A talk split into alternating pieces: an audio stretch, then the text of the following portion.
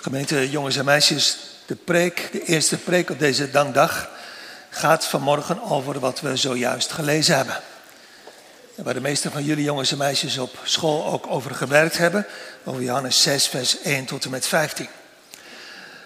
Laten we samen, als je lezen kunt, dat Bijbelgedeelte eerst nog even vers voor vers met elkaar lezen en bekijken. Lees dus maar mee in je Bijbel, vers 1 tot en met 15 van Johannes 6. Na deze vertrok Jezus over de zee van Galilea, welke is, ook wel genoemd wordt, de zee van Tiberias. En hem volgde een grote schare, heel veel mensen, omdat zij zijn tekenen zagen, die hij deed aan de zieken. Dus jongens en meisjes, er komen heel veel mensen achter de Heer Jezus aan, een grote menigte, omdat ze, staat er, de tekenen gezien hebben. Ze hebben gezien dat de Heer Jezus zieken beter maakt. En daarom gaan ze achter hem aan, daarom volgen ze hem naar een berg. Een berg in de buurt van het plaatsje Bethsaida. Naar een plaats waar, waar eigenlijk iedereen naartoe kan komen.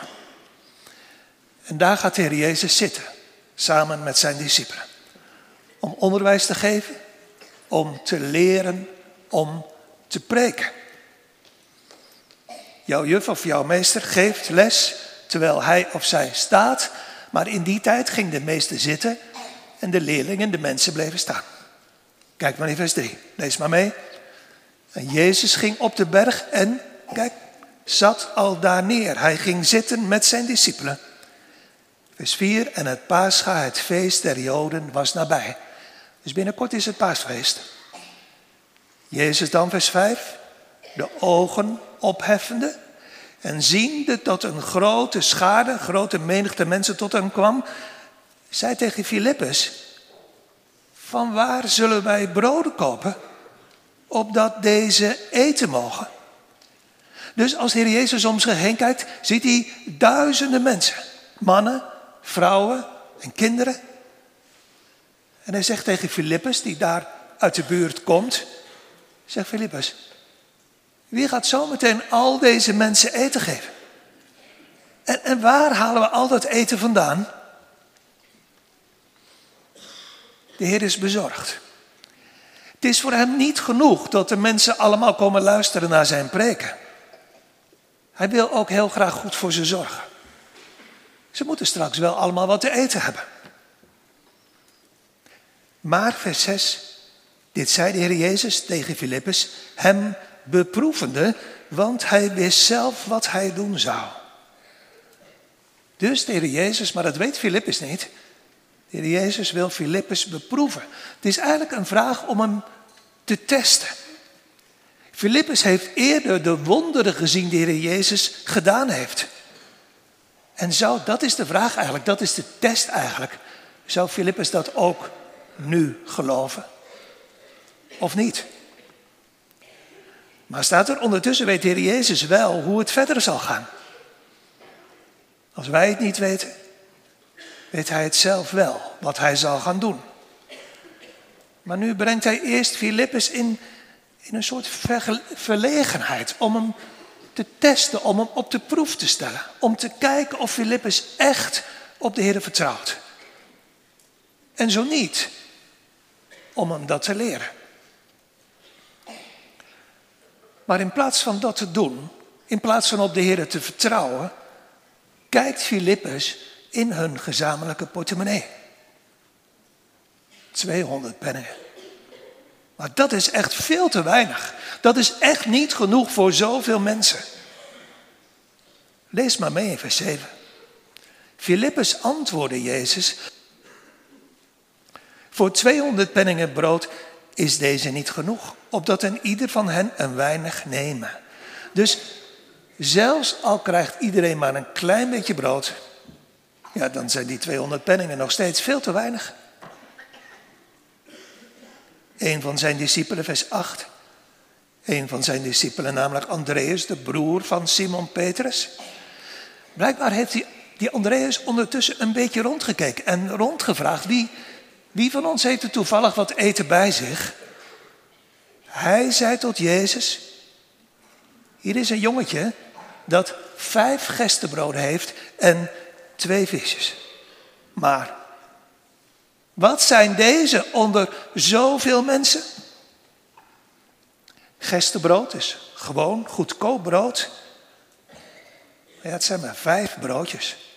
Vijf broodjes voor vijfduizend mannen en dan nog alle vrouwen en kinderen. En het zijn maar twee visjes. Wel bijzonder trouwens, jongens en meisjes. Je moet even goed met me meedenken. Blijkbaar heeft dit jongetje van thuis, van zijn moeder of van zijn vader, brood meegekregen. Zoals jij misschien ook wel naar school of naar ergens anders een brooddoos meeneemt. Voor jezelf, om op te eten. Met brood en misschien heeft mama er ook nog wel lekkere dingen bij gedaan. En wat doet dit jongetje? Hij geeft dat brood en, en die lekkere visjes daarbij, die geeft hij weg. Dat was zijn eigen eten. Maar hij zegt eigenlijk, Heer Jezus, dat is voor u. Daar moet je thuis nog even goed over nadenken. Vers 10. En Jezus zei, want de mensen staan nog steeds, doe de mensen nederzitten.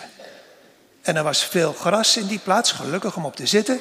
Zo zaten dan de mannen neder, omtrent ongeveer 5000 in getal. Dus iedereen gaat zitten, 5000 mannen. Meestal werden in die tijd alleen de mannen geteld. En dus zijn er ook nog heel veel, duizenden vrouwen en kinderen.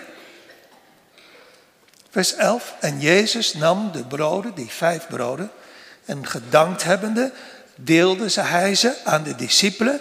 En de discipelen aan degenen die op het gras zaten, die neergezeten waren. Desgelijks ook van de visjes, zoveel zij wilden. Dus de Heer Jezus neemt het brood. En terwijl hij dankt, dat staat er eigenlijk. Terwijl hij dankt, deelt hij uit. En terwijl hij dat doet, blijft hij danken. Dus het is niet zo dat de Heer Jezus even heel snel dankt en er dan verder niet meer over nadenkt. Nee, al uitdelend blijft hij danken en al dankend deelt hij uit. Totdat, totdat iedereen zoveel heeft als dat hij of zij nodig had. Kijk maar in vers 12. Als zij verzadigd waren, iedereen heeft genoeg, iedereen zit vol. Toen zei hij tegen zijn discipelen, vergader, breng bij elkaar de overgeschoten brokken, opdat er niets verloren gaat. Want ja, als je gedankt hebt voor wat je gekregen hebt, moet je natuurlijk niet dat wat over is, gewoon maar weggooien. En dus halen ze het op, vers 13. Zij vergaderden ze dan en vulden twaalf korven, twaalf manden, met brokken van de vijf gestenbroden die overgeschoten waren van degene die gegeten hadden. Er zijn twaalf discipelen en er blijven twaalf manden, wij zouden zeggen twaalf rugzakken, vol met brood over. Voor wie? Ja, natuurlijk voor die twaalf discipelen. Terwijl er ondertussen genoeg was voor iedereen uit de twaalf stammen van Israël. Met andere woorden, de Heer Jezus heeft op een heel wonderlijke manier gezorgd voor iedereen. Voor al die mensen die daar in het gras zitten. Maar ook voor zijn twaalf discipelen die ondertussen gewerkt hebben en brood uitgedeeld hebben. En vis. Vers 14. De mensen dan, gezien hebbende het teken, het wonder dat Jezus gedaan had, zeiden, deze, deze is waarlijk, deze is echt de profeet die in de wereld komen zou. Mozes had heel lang geleden gezegd tegen Israël dat er een profeet zou komen. De Heer had gezegd, ik lees het even voor uit de Bijbel, een profeet zal ik hun verwekken uit het midden van hun broeders als u. En ik, God, zal mijn woorden in zijn mond geven en hij zal tot u spreken alles wat ik hem gebieden zal. En naar hem zult u horen, naar hem zult u luisteren. Hè? Hebben al die duizenden mensen die daar zitten dan, dan nu wel door wat hier gebeurt? Hebben ze nou wel in de gaten waar het hier om gaat? Want gaat het nu om het brood wat ze gegeten hebben? Gaat het nu om het bijzondere dat ze met een heerlijke volle maag naar huis mogen gaan? Nee, echt niet. Ja, de, mensen, de meeste mensen denken dat wel, maar het is niet zo. Want Mozes zei heel lang geleden al: het gaat bij de profeet, het gaat bij de Messias, bij de Heer Jezus, niet om wat hij geeft, maar om wat hij zegt. Het gaat niet om het gewone brood in de eerste plaats dat hij dankend uitdeelt.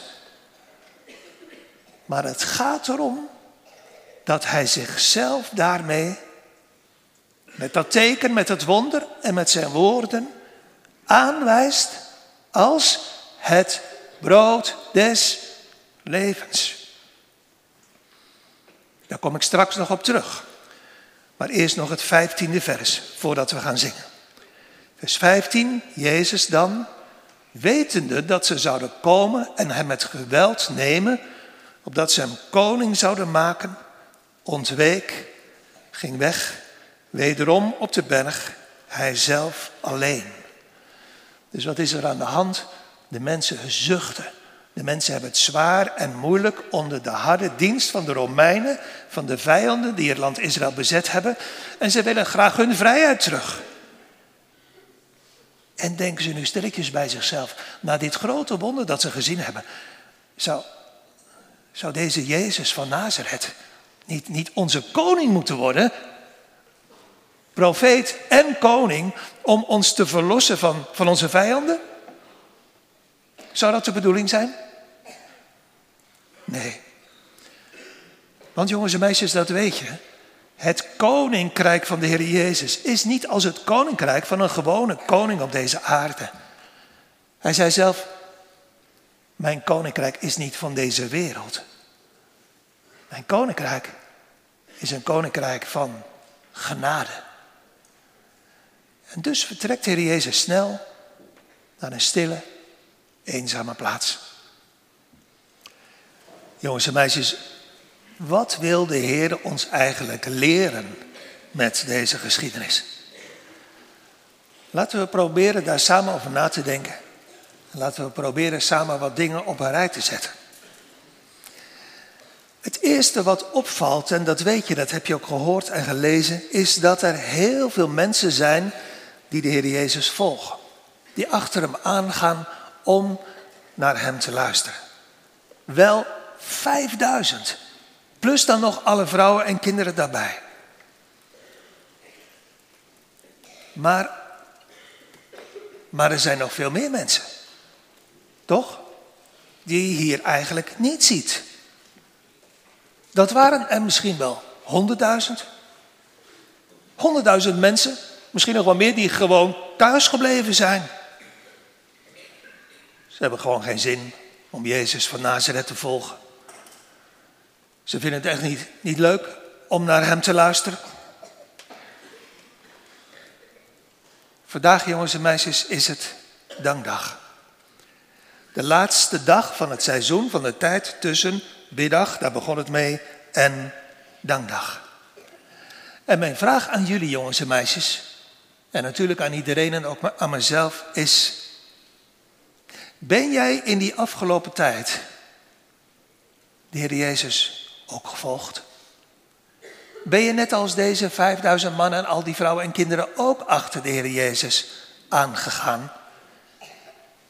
Ik bedoel eigenlijk te zeggen, heb je ook naar Hem geluisterd? Geluisterd naar wat de Heer tegen je wilde zeggen? Thuis aan tafel, onder het Bijbellezen? Op school? Als je op een christelijke school zit, naar het Bijbelverhaal luisterend? In de kerk hier, luisterend naar de preek, ben je de Heer Jezus ook gevolgd?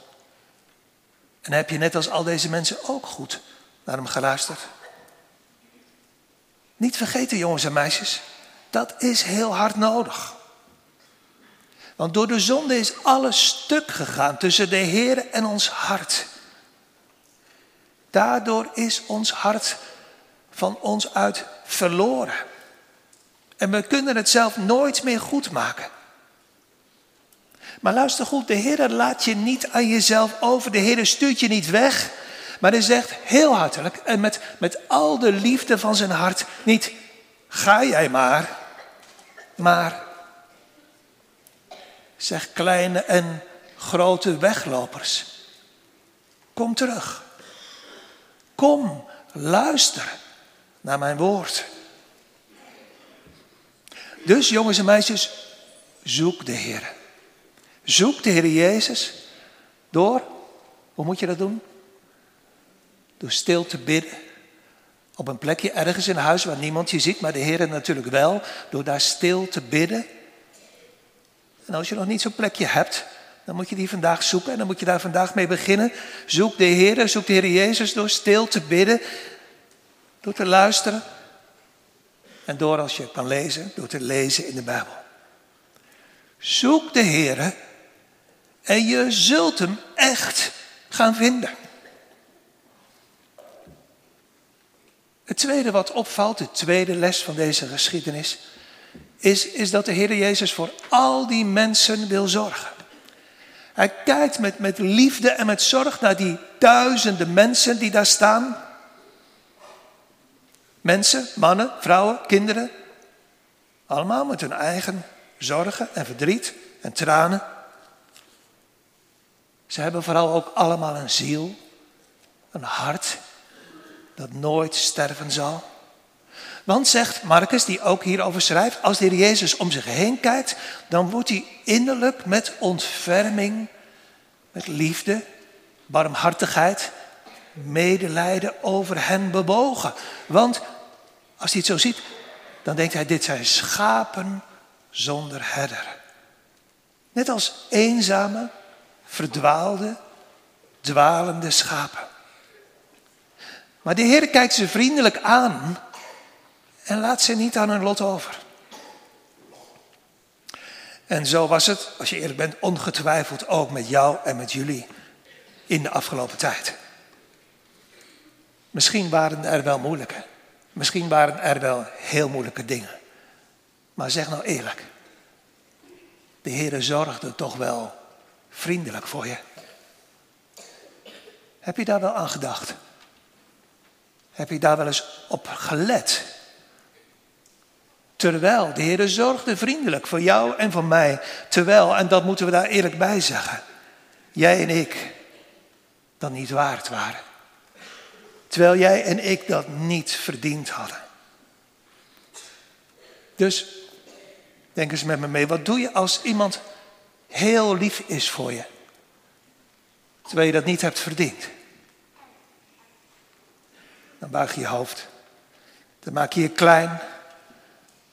En dan zeg je, zeg dat nu maar in je hart. Dank u Heer. Alles wat u de afgelopen tijd aan me gaf, had ik niet verdiend. Het was alleen maar uw goedheid dat u dat aan mij wilde geven. Wat bent u toch goed, heren? Dankdag houden, jongens en meisjes, is danken voor alles wat je niet verdiend had, maar toch van de Heer kreeg. En dan is er nog een derde les, een derde ding wat opvalt. Die discipelen, dat zei ik al, die zijn bezorgd. 200 penningen zitten in een portemonnee. Nou, dat is veel te weinig. En vijf broodjes en twee visjes. Dus ook niet genoeg voor al die mensen. Wat is het toch moeilijk voor ze? Om, de Heer is zo dichtbij, om op de Heer Jezus te vertrouwen. En dankbaar te zijn.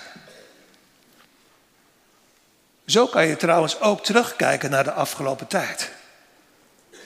En vooruitkijken naar de komende winter. Dit, beetje geld, een paar broodjes, twee visjes. Dit is gewoon niet genoeg. Filippus zegt het ook letterlijk. Het is niet genoeg. En Andreas zegt, wat moeten we met zo weinig? Denk eens na, hoe komt dat? Waarom zeggen ze dat? Dat komt omdat ze de verkeerde kant op kijken. Ze kijken naar wat ze zelf hebben. Vijf broden, twee vissen, dat is niet veel. Zoals je ook nu vandaag op dankdag kan kijken naar, naar wat je hebt. En terwijl je daar naar kijkt, denk je in je gedachten vooral aan al die dingen die je helaas niet hebt. En dan, als je zo kijkt, komt er vanzelf in je hart twijfel, onvrede, bezorgdheid. Ja, want, ja, want al die dingen die zo moeilijk zijn, je werk op school, ziek zijn van je vader of moeder. Papa en mama zeggen hebben ook zo weinig geld, veel dingen die ik graag zou willen doen, die kunnen helemaal niet. Als je zo terugkijkt naar de afgelopen tijd en je kijkt naar beneden, dan zeg je altijd, al had je nog zoveel, het was te weinig. En als je zo vooruit kijkt naar de komende tijd van de winter en je kijkt naar beneden, dan zeg je ook, al heb je nog zoveel, dit is niet genoeg. Waarom denk je dat? Waarom zeg je dat? Omdat je de verkeerde kant op kijkt. Kijk in je gedachten naar de Heer Jezus. Hij kijkt omhoog naar zijn hemelse Vader. En terwijl hij dat weinige in zijn handen heeft, vijf broodjes maar en twee visjes, dankt hij zijn hemelse Vader en vertrouwt hij op de Heer in de hemel. Hij dankt en hij blijft danken. Voor? Voor dat gewone gestenbrood. En voor die twee visjes. Voor dat wat voor het oog veel te weinig lijkt. Dus als je nou in de afgelopen tijd, in het afgelopen seizoen tussen biddag en dankdag, als je nu maar weinig gekregen hebt, vind je zelf.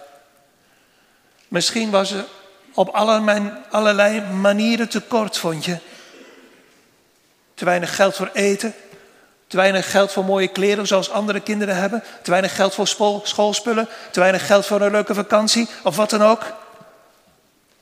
Als alles volgens jou nou weinig was. En als je allemaal niet kreeg wat je wel heel graag wilde hebben, wat moet je dan vandaag op deze dankdag doen? Wat moet je dan nu doen? Dan mag je omhoog kijken. En zeggen, heren, dit was en is veel meer dan dat ik heb verdiend. Dan mag je, denkend aan de Heer Jezus, danken en blijven danken voor alles wat de Heer wel aan je gaf. Omdat Hij ongetwijfeld je gebed verhoorde. Heren, Geef me alstublieft mijn dagelijkse brood. Al was het misschien vergeleken met andere mensen, met andere kinderen, wat je kreeg weinig. Althans in je eigen ogen, je eigen gedachten. Maar denk nou samen met mij dit. Alles wat je uit de handen van de Heer krijgt, is altijd genoeg. Waarom? Omdat je het van de Heer gekregen hebt. En wat je van de Heer krijgt. Ik wil eigenlijk graag dat je dat van deze preek onthoudt. Dat wat je van de Heer krijgt is altijd meer dan je verdiend hebt. Goed onthouden. Alles wat je van de Heer krijgt is meer dan dat wat je verdiend hebt. En daarbij nog, alles wat de Heer geeft voor je dagelijkse leven, geeft Hij met, met liefde en met zorg. Daarom zegt Paulus tegen Timotheus, en dat wordt ook gezegd in de Hebreeënbrief, zoek nou niet steeds heel veel. Stop nou met het zoeken van steeds meer en meer, maar, wees in je hart nou tevreden. met dat wat je van de Heer krijgt. Wees tevreden, zegt de Bijbel. Wees vergenoegd, zegt de Heer, met het tegenwoordige. Met de dingen die je iedere dag van de Heer krijgt, want Hij heeft gezegd. En luister eens hoe bijzonder dat klinkt. Ik, zegt de Heer, zal u niet begeven. Dat wil zeggen, ik zal u niet verlaten.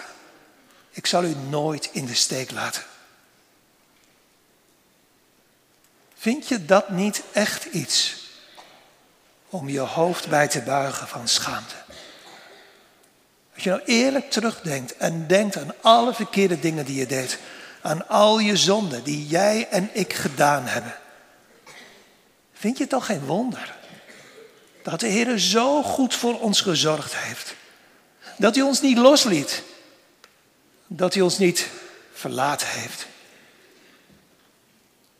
Jongens en meisjes, dit is een dag om stil en biddend, doe dat nu in de bank waar je zit en thuis op dat plekje waar je bidt.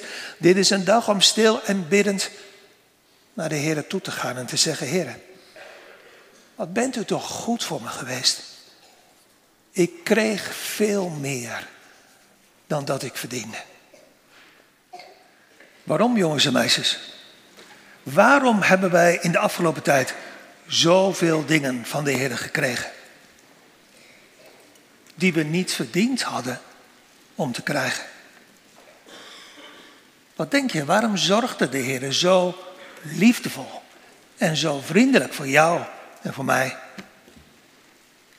Wat was de bedoeling daarvan? Wat was de bedoeling van de Heer daarmee? Om ons alleen maar eten en drinken te geven? Nee, de Heer wil meer. Hij wil je graag veel meer geven. Denk eens na, denk eens met me mee. Als iemand iets aan jou geeft, een heel mooi cadeau, waarom is dat? Waarom doet zo iemand dat? Ik zal het je zeggen, om je te laten voelen dat hij of zij heel erg van jou houdt. En nu de volgende vraag. Waarom gaf de Heer ons zoveel? Om ons te laten voelen, jongens en meisjes, dat de Heer geen hekel aan ons heeft, terwijl ons zondige hart, als je tenminste nog geen nieuw hart gekregen hebt, wel een hekel aan Hem heeft. Want als je nog geen nieuw hart gekregen hebt, ik zeg het maar eerlijk, zo was het vroeger bij mij ook, dan hou je niet van de Heer.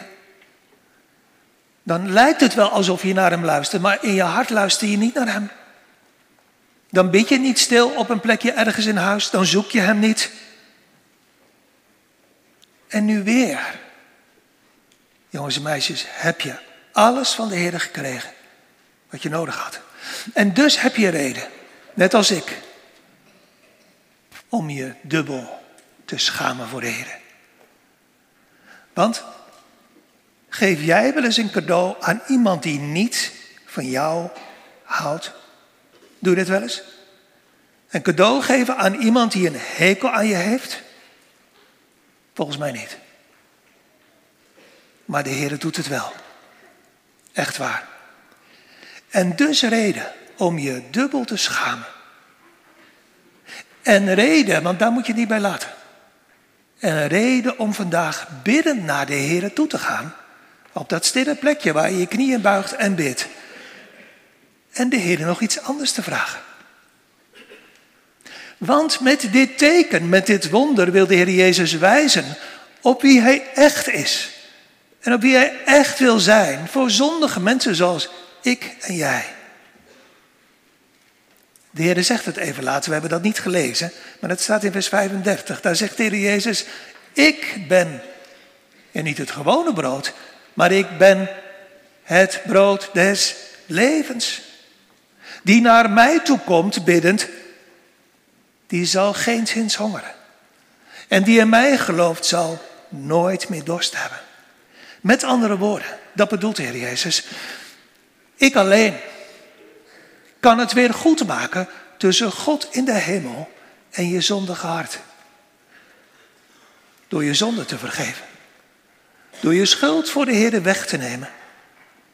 En door je nieuw hart te geven. Als je tot mij komt. Als je in mij gelooft. Nou zeg je dan, dan moet ik dat gaan doen natuurlijk. Ja, probeer het maar.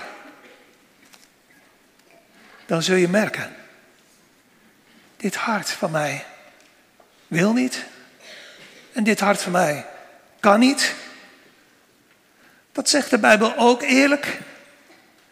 Je zondige hart is van jezelf dood door de misdaden en de zonde. En, en dus kan je niet van jezelf geloven. En dus wil je van jezelf niet geloven.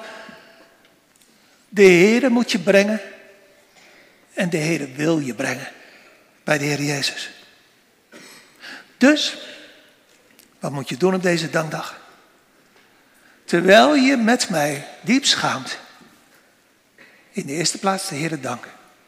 Want je kreeg, net als ik, veel meer dan dat je verdiende. En nog één ding. Terwijl je je schaamt om al je zonden en verkeerde dingen aan de Heer vragen. Heer, alstublieft, breng me toch terug. Breng me, Heer, uit genade. Dat wil zeggen, ik heb het niet verdiend. Breng me toch bij de Heer Jezus. Want, want ik heb het gehoord, Hij wil niet alleen zorgen voor eten en drinken. Maar Hij wil me ook zo graag een nieuw hart geven. Dank zo, vraag zo. Nu, terwijl je hier in de kerk zit in je hart. En straks als je thuis bent, op dat stille plekje waar je daar, wat je daarvoor hebt en waar je biddend je knieën buigt. Want je zegt, nou misschien, misschien gaat de Heer wel naar me luisteren, misschien hoort hij me wel. Nee, je kent toch Psalm 116? De Heer hoort je stem. Hij hoort je smeking. Hij hoort je klagen. En hij luistert heel goed, want hij neigt zijn oren. Even samenvattend. Drie dingen hebben we ondertussen geleerd. We hebben geleerd, jongens en meisjes, dat het goed is om de Heer te volgen. Dat we zeggen, naar hem te luisteren, te bidden, in je Bijbel te lezen als je lezen kunt. Het is goed om de Heer te volgen. Het tweede wat we geleerd hebben is dat de Heer voor ons zorgen wil en voor ons gezorgd heeft. Het derde wat we geleerd hebben is dat, dat als je naar beneden kijkt, dat je dan altijd denkt dat je te weinig hebt. Maar dat als je omhoog kijkt naar de Heer in de hemel, ja dan, dan moet je je schamen. Maar dan geeft de Heer je ook wat je nodig hebt. En dan wil de Heer je vooral leren waar de Heer Jezus echt voor gekomen is. Niet alleen voor gewoon brood en voor gewone vis.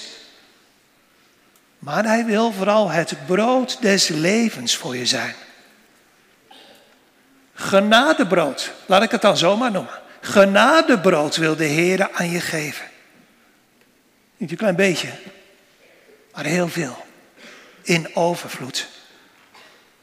Als de Heer dat aan je geeft, genade, dat wat je niet verdiend hebt, vergeving van zonde, een nieuw hart van de Heer, dan, en dan alleen, ben je echt heel gelukkig.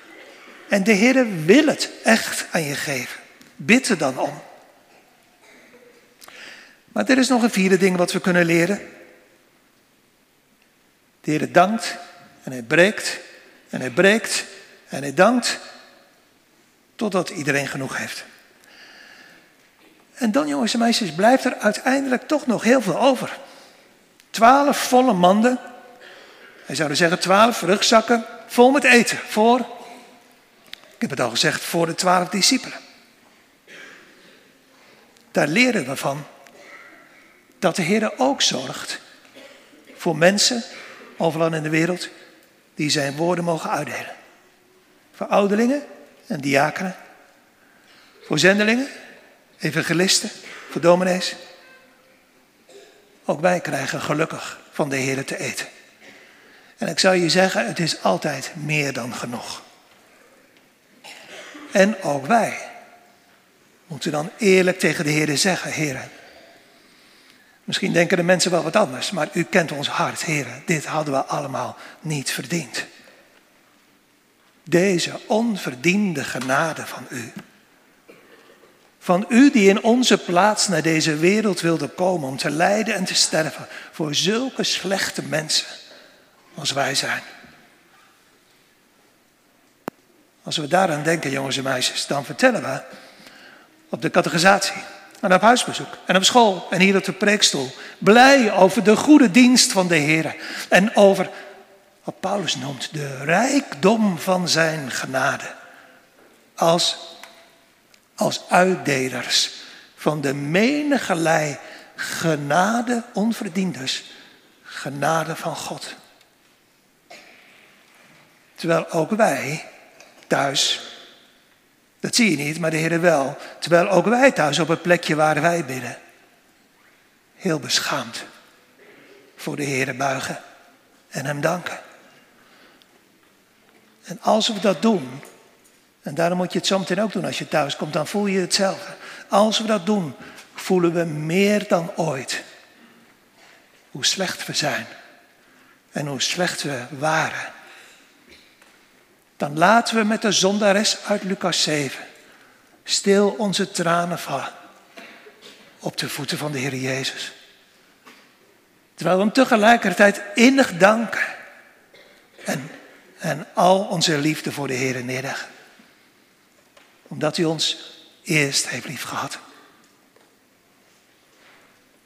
Dus jongens en meisjes, danken dat als laatste in deze preek van vanmorgen. Danken doe je met drie dingen. Probeer ze te onthouden. Het heeft allemaal te maken met je gezicht, met je hoofd. Danken doe je met rode wangen van schaamte. Om al je zonden tegen de Heer. Danken doe je met tranen in je ogen. Van berouw om zoveel kwaad. En danken doe je met een blijde glimlach. Van van verwondering en van blijdschap. Om, waarom? Om alles wat je van de Heer gekregen hebt? Nee, om wie de Heer voor je geweest is. Danken, discipelen, medebroeders en zusters in de Heer. Danken, broeders van de kerkraad. En allen die werken in Gods koninkrijk, ook de mensen op het zendingsveld. Doen we met een rood hoofd van schaamte. Met tranen in onze ogen van berouw. En met verwondering en blijdschap om wie de Heer voor ons geweest is. En dat zal nooit anders worden. Hier op aarde, dat zal altijd zo blijven. Maar wat ook blijft, is de garantie. Dat je, broeders, een van de overgebleven mannen mee naar huis mag nemen. Amen.